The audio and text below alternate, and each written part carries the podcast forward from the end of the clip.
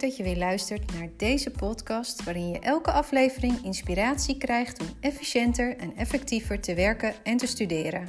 Dit is jouw persoonlijke podcast toolkit vol met handige tools. Wil jij leren en theorie uit je hoofd stampen leuker maken? Dat kan. Er zijn heel veel verschillende leertechnieken. Herhaling en het prikkelen van meerdere zintuigen helpt je om sneller de leerstof in je geheugen op te slaan. En het Leitner-systeem kan hierbij helpen. Sebastian Leitner is een Duitse psycholoog en hij heeft in de jaren 70 de bestseller Zo lernt man lernen geschreven. Hij heeft een systeem bedacht waardoor je efficiënter kunt leren en waardoor je dus tijd kan besparen. Om lesstof uit het hoofd te leren is herhaling noodzakelijk, dat weten we allemaal. Op de basisschool, de middelbare school en zelfs op hogescholen en universiteiten krijg je van docenten vaak de opdracht om de stof samen te vatten of om een mindmap te maken. Een goede samenvatting maken is wel erg lastig.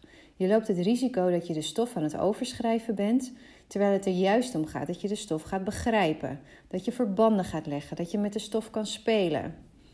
Bovendien wordt er op school lang niet altijd genoeg tijd en aandacht besteed aan hoe je nu echt een goede samenvatting maakt. Een mindmap ligt ook niet iedereen. Een mindmap maken is ook niet echt mijn ding. Sommige, vooral mensen die visueel ingesteld zijn, daarvoor werkt het top. Maar als je dat niet bent, ja, dan zit je maar een beetje met een soort schema voor je dat je denkt: nee, dit is het ook niet. Maar goed, wat dan wel? De stof meerdere malen doornemen is goed te doen als het niet zoveel is en als het ook niet zo complex is. Maar als de hoeveelheid toeneemt en lastiger wordt, dan is dat bijna niet te doen. En doorlezen is ook geen leren. Je moet echt met de stof aan de slag. Nou, dat kan dus door het maken van eh, samenvattingen of mindmaps of door opdrachten te maken, maar ook door het Leitner-systeem toe te passen. Nou, hoe werkt dat dan? De essentie van dit systeem is dat je de leerstof die je nog niet beheerst vaker herhaalt dan de stof die je wel al kent. Met deze aanpak kun je wel 20 tot 40 procent tijdswinst behalen. Je werkt hierbij met flitskaarten, ook wel flashcards genoemd. Flitskaarten zijn kaarten waarbij je op de ene kant een vraag of een term uh, schrijft en op de andere kant, dus op de achterkant, het antwoord of de vertaling. Leerlingen die gebruik maken van flitskaarten scoren beter op toetsen, omdat ze echt daadwerkelijk met de stof aan de slag zijn geweest. Het leereffect begint namelijk al bij het maken van de kaartjes. Je bent actief met de stof bezig door over vragen en antwoorden na te denken.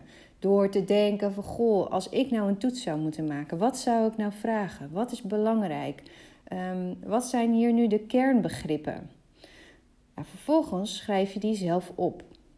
Op dit moment worden meerdere zintuigen geprikkeld, omdat je met de kaartjes bezig bent, en je bent aan het nadenken over de stof. In plaats van dat je gewoon met een leerboek op je schoot zit, met je suf zit te lezen. Dit heeft dus een positief leereffect. De volgende stap is dat je zorgt dat je drie bakjes hebt waar de kaartjes in passen.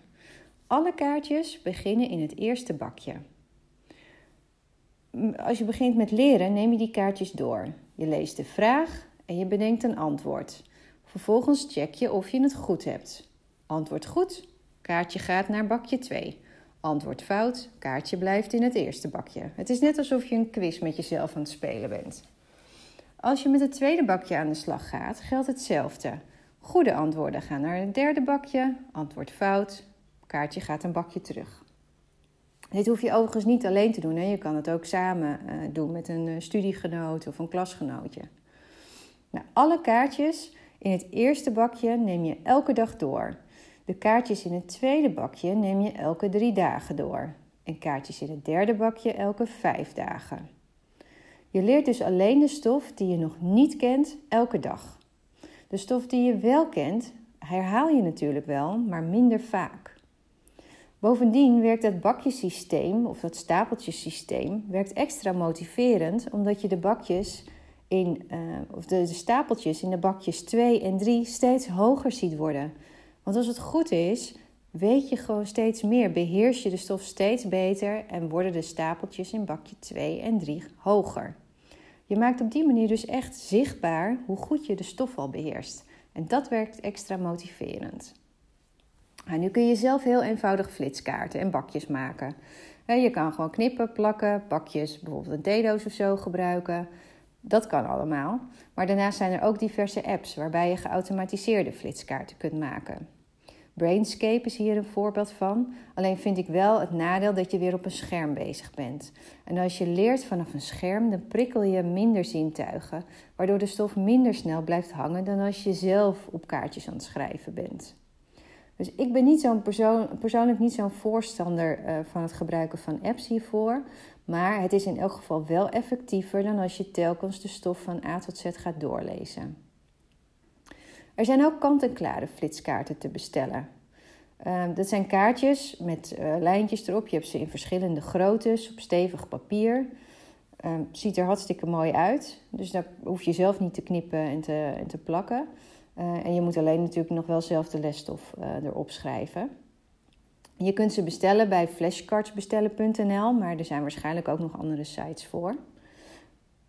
Hoe dan ook, verschillende opties dus om niet weer zo'n uh, samenvatting te maken of niet met een mindmap aan de slag uh, te moeten, maar probeer gewoon eens het leidningssysteem.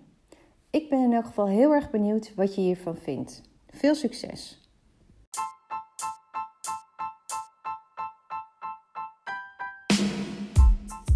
Dit was weer een tool voor jouw persoonlijke podcast toolkit.